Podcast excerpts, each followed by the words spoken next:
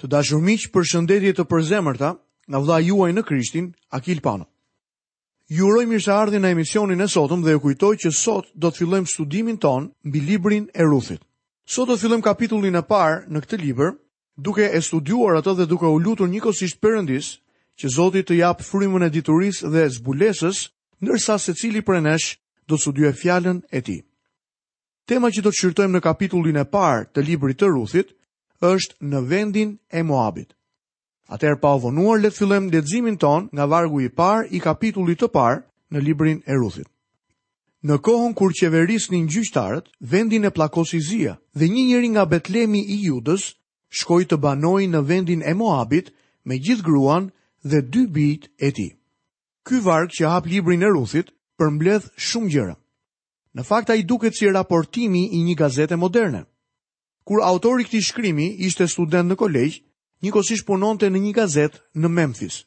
Si reporter, ai thotë që dilte bashkë me gazetarë të tjerë dhe gjithashtu u njoh edhe me redaktorin e gazetës, që ishte njeri shumë i këndshëm dhe u përpoq që ta ndihmonte atë sa të mundte. Kështu një herë, ai u përpoq të shkruante për historinë e një incidenti në Memphis, për të cilin kishin qenë dëshmitar dhe ia tregoi dhe redaktorit. Ai e lexoi dhe duke e hedhur tutje, tha se nuk mund ta përdorte këtë shkrim. Më pas i tregoi dy gjëra që janë gjithmonë të rëndësishme në fillimin e fjalisë së parë të çdo artikulli mediatik: koha dhe vendi. Në fakt ai tha: Jep sa më shumë informacion të mundesh në fjalinë e parë. Herën tjetër që do të lexoni një artikull të rëndësishëm, vini re se sa shumë informacion jepet në fjalinë hyrëse. Ndonjëherë fjalia e parë vetëm me një paragraf tregon gjithë sa ka ndodhur. Ajo tregon se çfarë ka ndodhur, ku ka ndodhur, kur ka ndodhur dhe në mënyrë të përgjithshme se si ka ndodhur. Fryma e shenjtë e Perëndisë është një reporter i mrekullueshëm. Kështu në këtë varg të parë, ai na jep kohën dhe vendin. Koha cilësohet kur qeverisnin gjyqtarët. Ato ishin ditë të errëta. Në një farë mënyre, ato kanë qenë ditët më të errëta të historisë së kombit të Izraelit. Ju e mbani mend që izraelitët ishin në robërinë egjiptase dhe Perëndia i çliroi me fuqi dhe gjak. dhe i udhëhoqi nëpër shkretëtirë. Më pas, ai i çoi ata në tokën e premtuar dhe çfarë premtimi i mrekullueshëm që ishte aty. Ju mund të mendoni që ky brez i ri, etërit e të cilëve kishin njohur ashpërsinë e skllavërisë në Egjipt, do t'i shërbenin Perëndisë në një mënyrë të mrekullueshme. Por ju e dini që ata nuk e bënë këtë. Libri i Gjyqtarëve na tregon historinë e neveritshme të ndarjes nga Perëndia të popullit të Izraelit. Ai na tregon se si një popull filloi t'i shërbente Zotit të gjallë dhe të vërtetë dhe më pas se si u kthyen prej tij drejt idhujtarisë dhe degjenerimit moral. Më pas kur armiku i shtypte, ata filluan t'i thërrasin Zotit dhe ai ngriti gjyqtarë për t'i çliruar. Jam dakord me ata që thonë se Amerika duhet të ketë ringjallje, ose ndryshe do të ketë revolucion.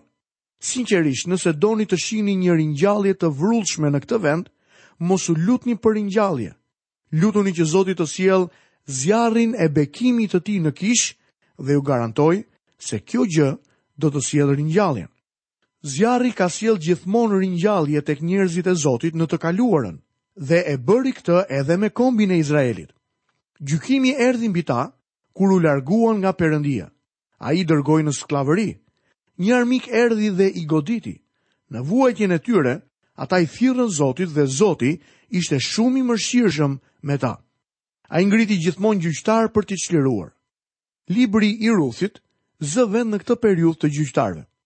Ngjarjet që shënohen këtu zhvillohen në këtë sfond të errët të epokës së gjyqtarëve, në kohën kur një njeri si Samsoni konsiderohej figurë publike. Sot kur skandalet e kanë pushtuar vendin tonë dhe mbarë kombet e botës, mendoni pak për skandalin e një Samsoni. Askujt nuk do t'i bënte përshtypje. Në këtë periudhë të komprometimit, korrupsionit dhe rrëmujës, na jepet kjo histori e bukur. Historia e Ruthit është si një dritë në mes të errësirës së kësaj epoke, të cilën e gjejmë në periudhën e gjyqtarëve. Kjo është mënyra se si shkruan Perëndia apo jo. Ai e shkruan historinë e shpëtimit në sfondin e zi të mëkatit dhe në të njëjtën mënyrë e vendos këtë histori të bukur në sfondin e zi të kohës së gjyqtarëve. Kjo është pamja që na jepet në librin e Ruthit. Është koha kur qeverisnin gjyqtarët. Jo vetëm kaq, por na thuhet se vendi ishte Betlemi i Judesë. Kjo në të vërtetë është shumë interesante. Sot Betlehemi i Judesë është shumë kuptimplotë për një fëmijë të Perëndisë. Nëse ngjarja që na jepet tek Ruthi nuk do të kishte ndodhur në Betlehem, Jezu Krishti nuk do të kishte lindur aty. Ndërsa këndoni këngën O qytet i vogël i Betlehemit, Kujtoni se historia e Krishtlindjes filloi shumë kohë më parë, në ngjarjet që përshkruhen në librin e vogël të Ruthit. Këto janë ngjarjet që do të na shoqërojnë ndërsa do të shohim këtë pjesë të mrekullueshme të shkrimit. Kuptimi i emrit Betlehem Judea është shumë interesant. Në fakt emrat në Bibël kanë një kuptim të vërtetë. Betlehem do të thotë shtëpia e bukës dhe Jude do të thotë lavdi. Është e mrekullueshme të jetosh në shtëpinë e bukës dhe lavdisë. A nuk është kështu? Bini dakord me mua. Historia e Ruthit fillon dhe mbaron atje. Ky ishte vendi ku lindi dhe Zoti ynë Jezus. Emrat në Bibël dhe veçanërisht në Dhiatën e Vjetër kanë një kuptim specifik. por për shkak se nuk i kemi të përkthyera, këto emra humbasin shumë. Të paktën në shënimet e disa biblave kemi shpjegimin e disa prej këtyre emrave. Ato pasurojnë kuptimin e fjalës së Perëndisë, si në këtë rast. Dhe një njeri nga Betlemi i Judës shkoi të banojë në vendin e Moabit me gjithë gruan dhe dy bijtë e tij. Ai jeton në shtëpinë e bukës dhe lavdisë, por shkon të banojë në vendin e Moabit. Ka diçka shumë interesante për Moabin në Fjalën e Perëndisë. Në Psalmin njëqind e tetë dhe vargu i nëntë na thuhet: Moabi është legeni ku unë lahem. Kjo është ajo që thotë Zoti për Moabin. Siç e shihni, këta ishin njerëz të dëbuar. Ata patën një fillim të neveritshëm dhe për të ardhur keq. Dhe Moabi nuk qëndron dhe aq mirë në fjalën e Zotit. Një mënyrë për të parafrazuar atë që thotë Zoti për Moabin mund të ishte, Moabi është koshi im i plehrave. Tani le ta shohim këtë për një moment. Kemi një familje, burrin, gruan dhe dy bijtë e tij që shkojnë në vendin e Moabit. Ata largohen nga shtëpia e bukës dhe e lavdisë dhe shkojnë të hanë në koshin e plehrave. A e keni dëgjuar më parë këtë histori? Jam i sigurt që menjëherë do t'ju shkojë ndër mend shëmbëlltyra që dha Zoti ynë për djalin plangprishës. Ai u largua nga shtëpia e të atit që ishte plot me të mira dhe shkoi në një vend të huaj ku mundohej ta mbushte stomakun me mbeturinat e derrave. Nuk mendoj se Zoti ynë e shpiku atë histori. Mendoj se çdo shëmbëlltyrë e Jezusit ishte një ngjarje e vërtetë. Ndoshta, në atë kohë kishte shumë bijë të cilëve u përshtatej shëmbëlltyra e tij. Dhe që prej asaj kohe e deri në ditët tona, kjo histori është përsëritur në jetët e miliona njerëzve. Para pak kohësh, takova një djalë të ri, i cili ishte larguar nga shtëpia e tij. Këtu ai pranoi Krishtin dhe ne morëm në telefon të atin menjëherë pas studimit që bëmë me djalin. Sa u gëzua babai i tij! Kjo histori miqtë e mi është përjetuar nga shumë bij. Por këtu kemi historinë e një familje me dorëlëshuar. Kur uria erdhi në vendin e tyre, ata u larguan, u frikësuan pa masë. Edhe ati i tyre Abrahami u frikësua. Kur vendin e pushtoi zia e bukës, Abrahami u kthye në vendin e tij dhe u nis drejt Egjiptit. Dhe ja tani shohim një tjetër zi buke. Kjo është njëra nga trembëdhjetë zitë e bukës të përmendura në Bibël. Çdo zi buke që është përmendur në Fjalën e Perëndisë ka qenë një gjykim prej Tij. Kjo nuk është vetëm koha e gjykimeve me ditë të errëta, por në kohën që zhvillohen këto ngjarje, janë ditët më të errëta. Ata nuk besonin që Perëndia mund të kujdesej për ta në shtëpinë e bukës dhe lavdisë, kështu që u nisën drejt vendit të Moabit. Tani dua që të njiheni me këtë familje. Është një familje shumë interesante. Lexojmë nga vargu i dytë i kapitullit të parë në librin e Ruthit. Emri i burrit ishte Elimelek, emri i gruas Naomi dhe emri i dy bijve të tij Mahlon dhe Kilion, Efratej nga Betlemi i Judës. Ata shkuan në vendin e Moabit dhe u vendosën aty. Emri i burrit ishte Elimelek. Emri i tij do të thotë Perëndia im është mbret ose mbreti është perëndia im. Emri i këtij burri ishte me të vërtetë shumë kuptimplot. Vetëm mendoni për pak minuta për dëshminë që dha ai me mënyrën se si veproi.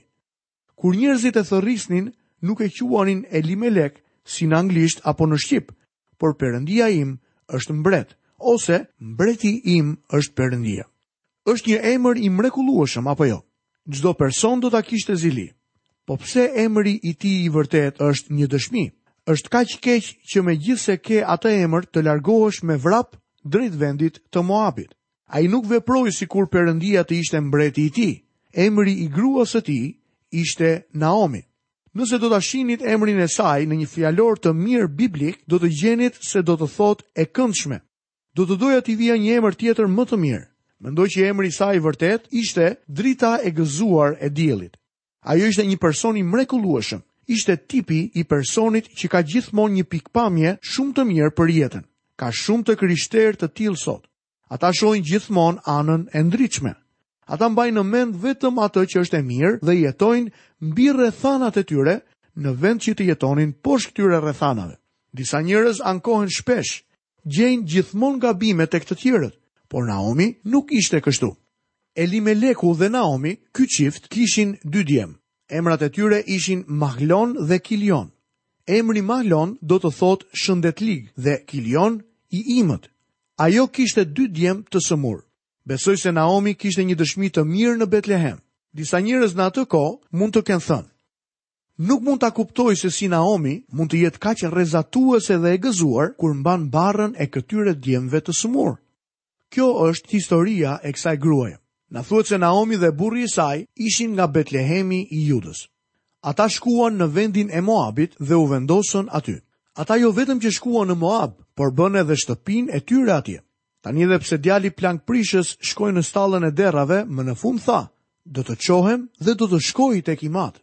Ndonjëherë një djalë plangprishës qëndron në stallën e derrave për një kohë të gjatë dhe kjo familje fatkeqësisht qëndroi në këtë vend shumë gjatë. A dini se çfarë i ndodh gjithmonë një familje të krishterë ose një individi që është bir i Perëndisë, kur largohet në një vend të largët? Në atë vend të largët ata gjithmonë rrihen me kamzhik. Ju e dini se babai që priti birin që u kthye në shtëpi, mund t'u kishte thënë shërbëtorëve, më sillni kamzhikun tim. Do ta fshikulloj mirë këtë djalë në çdo pjesë të jetës së tij. Ai u largua dhe shpenzoi gjithë paratë e mia duke e çnderuar emrin tim. Unë do ta mësoj vetë. Por ja që ati i mirë nuk veproi kështu. Përkundrazi e përqafoi djalin dhe u tha shërbëtorëve të shkonin dhe të thernin viçin më të mirë dhe të sillnin rrobat më të mira për të.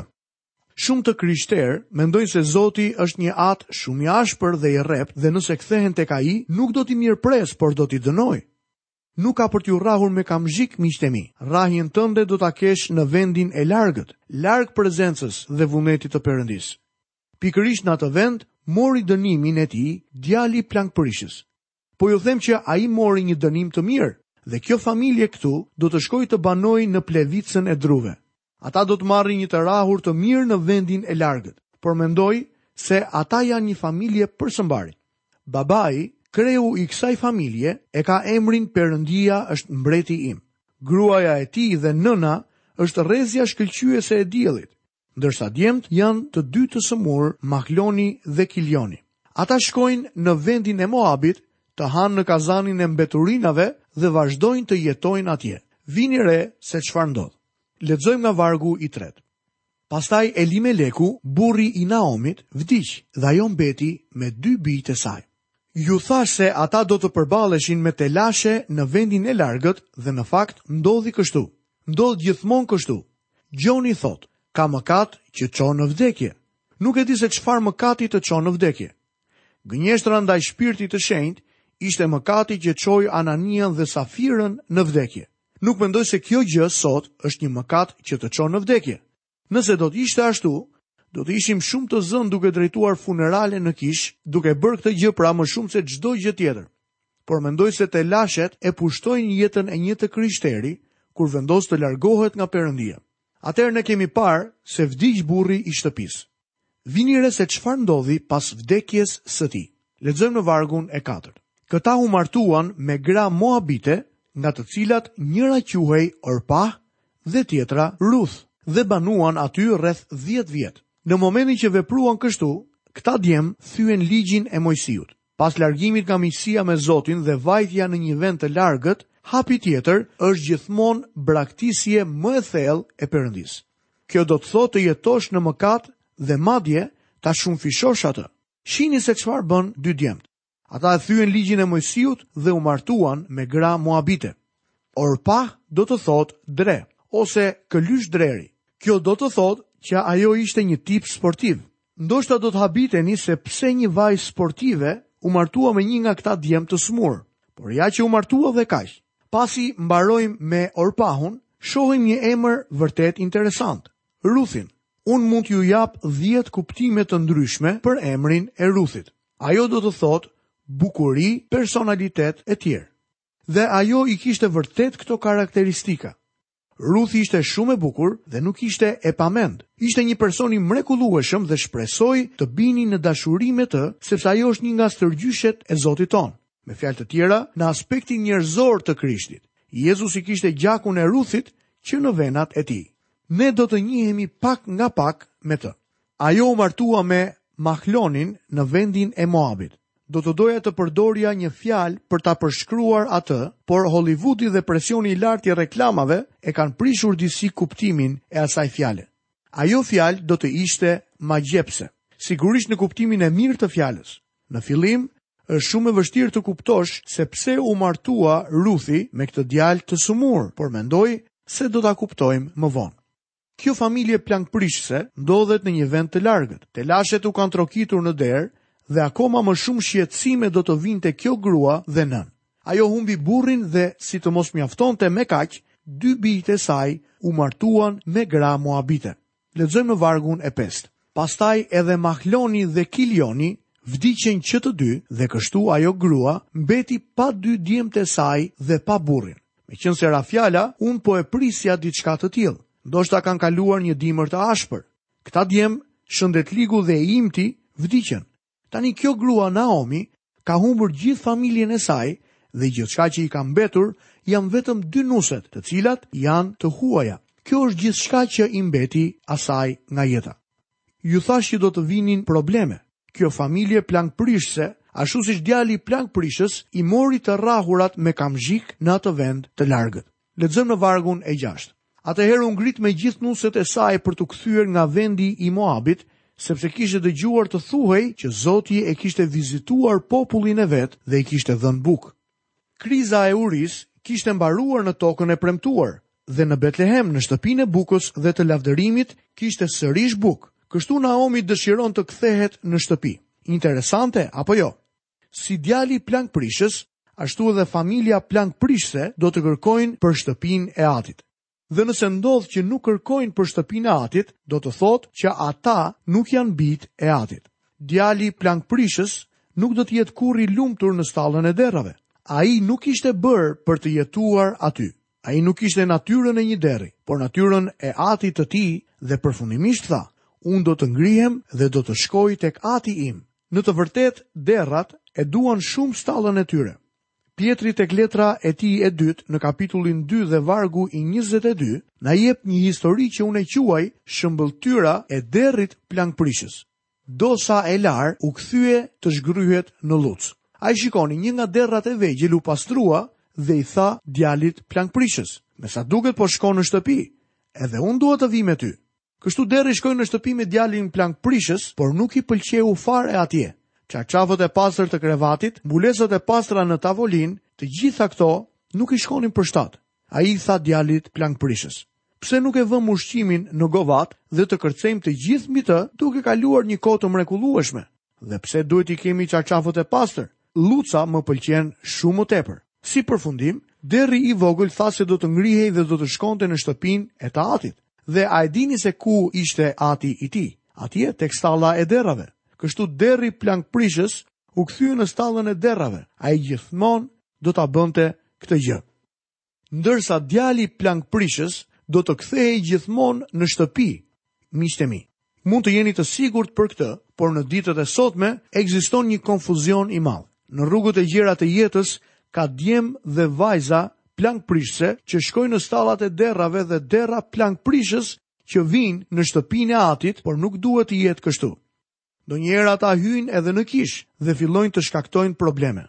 Tamam si një derr që shkon në shtëpinë e atit, ai fillon të shkaktojë probleme në kishë.